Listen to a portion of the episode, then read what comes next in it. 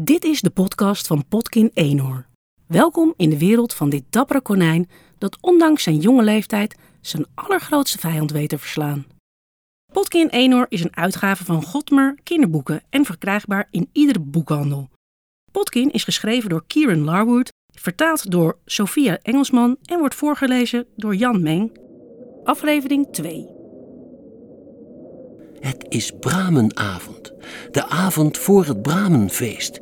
Het is de avond waarop midwinter wordt gevierd met een heerlijk feestmaal en de belofte van cadeautjes in de ochtend, achtergelaten door het geheimzinnige midwinterkonijn.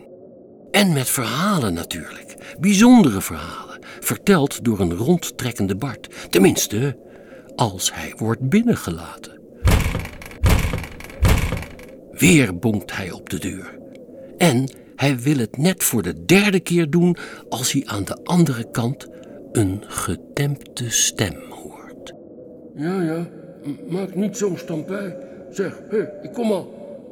En er volgen nog wat bozige woorden over dwaze lui die buiten zijn op een avond als deze. Maar gelukkig houdt het zware eikenhout het meeste gemopper tegen. Eindelijk gaat de deur krakend open. En de gouden gloed van brandende fakkels stroomt naar buiten. Over de sneeuw. Een forse soldaat steekt zijn gezicht om het hoekje. Wie ben jij dan wel bij de naam van de godin? vraagt hij. En hij kijkt de onbekende boos aan. Onder de kap staren twee lichtgroene ogen net zo boos terug. Is dit een manier om de Bart te behandelen die op Bramenavond verhalen komt vertellen? Houden jullie zo de oude gebruiken in ere hier in de Doornwoudburgt? Hoewel de soldaat flink uit de kluiten is gewassen en er angstaanjagend uitziet in zijn harnas, is er iets aan de Bart waardoor hij zachtjes begint te beven, Eh, neem me niet eh, kwalijk, Bart. zegt hij. En hij duwt met zijn schouder de deur wat verder open. Kom binnen en deel de warmte van onze hart op deze mi- midden, middenwinternacht. Midwinter, sukkel, zegt de Bart. En hij stapt het licht en de warmte tegemoet. De burchtdeuren dreunen achter hem dicht en huiverend schudt hij de sneeuw van zijn mantel. Oh, goed, waar is die haard van jou? Zelfverzekerd beent hij de geplaveide gang in alsof hij er al honderden keren is geweest. Wa- wa- wat is een mid, midwintersukkel? mompelt de verbaasde bewaker voordat hij zich omdraait en achter de Bart aandraaft. Zoals het groothol het middelpunt is van elke burcht, zo is het stamhoofd het middelpunt van de bewoners. Hij is de leider, net als zijn vader dat voor hem was en zijn zoon dat na hem zal zijn. Samen met zijn vrouw neemt hij alle beslissingen over de burcht, bemiddelt hij in ruzies en organiseert hij feesten en banketten. Het stamhoofd van de Doornwoudburgt is Hubert de Flinke. Een groot, dik hangoorkonijn met een bruin-wit gevlekte vacht, oren tot aan zijn knieën en een buik waar je een heel huis op zou kunnen bouwen. Op dit moment zit hij op zijn troon aan het hoofd van de tafel, met een grote kroon van gevlochten bramentakken op. Zijn enorme gevlekte pens barst bijna uit zijn tuniek. Hij zingt een vrolijk lied over het midwinterkonijn dat klem zit in een konijnenhol, terwijl de kleine konijntjes giechelend aan zijn voeten zitten. Maar als hij de Bart binnen ziet komen, stopt hij met zingen, staat op en heft zijn drinkhoren om hem te begroeten. Welkom, Bart. Buldert hij zo luid dat het stof van het plafond dwarrelt. Welkom op Bramenavond. Dat lijkt er meer op. mompelt de Bart, terwijl hij zijn leren mantel afschudt. Zijn kap houdt hij op, maar de gloed van het haardvuur onthult nu wel de blauwe krulpatronen die op zijn armen zijn geschilderd, We dachten al dat je niet meer zou komen. zegt Hubert.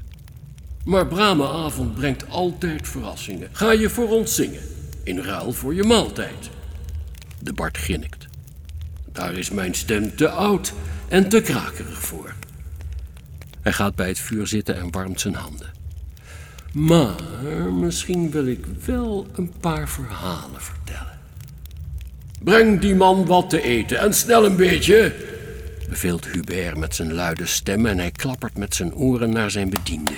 Die schieten weg en keren al snel terug met een kom vol romige rapensoep en een schaal maisbrood.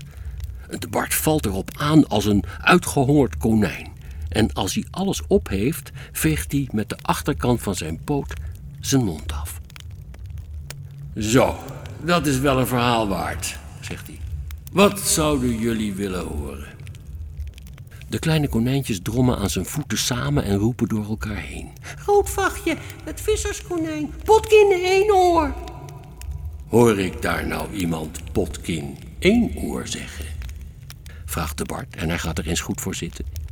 Potkin de roverskoning, Potkin de maanridder, Potkin van het magische mes.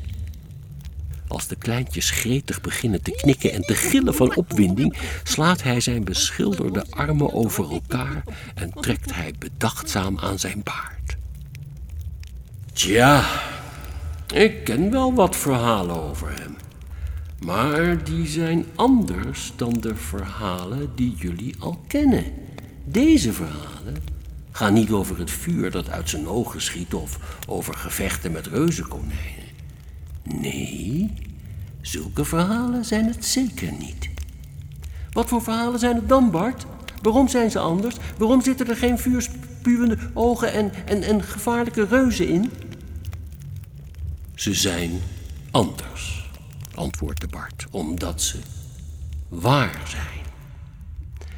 En omdat vuurspuwende ogen helemaal niet bestaan, behalve in sprookjes en in de hoofdjes van dwaze kleine konijnen. De Bart gebaart met zijn hand dat ze stil moeten zijn.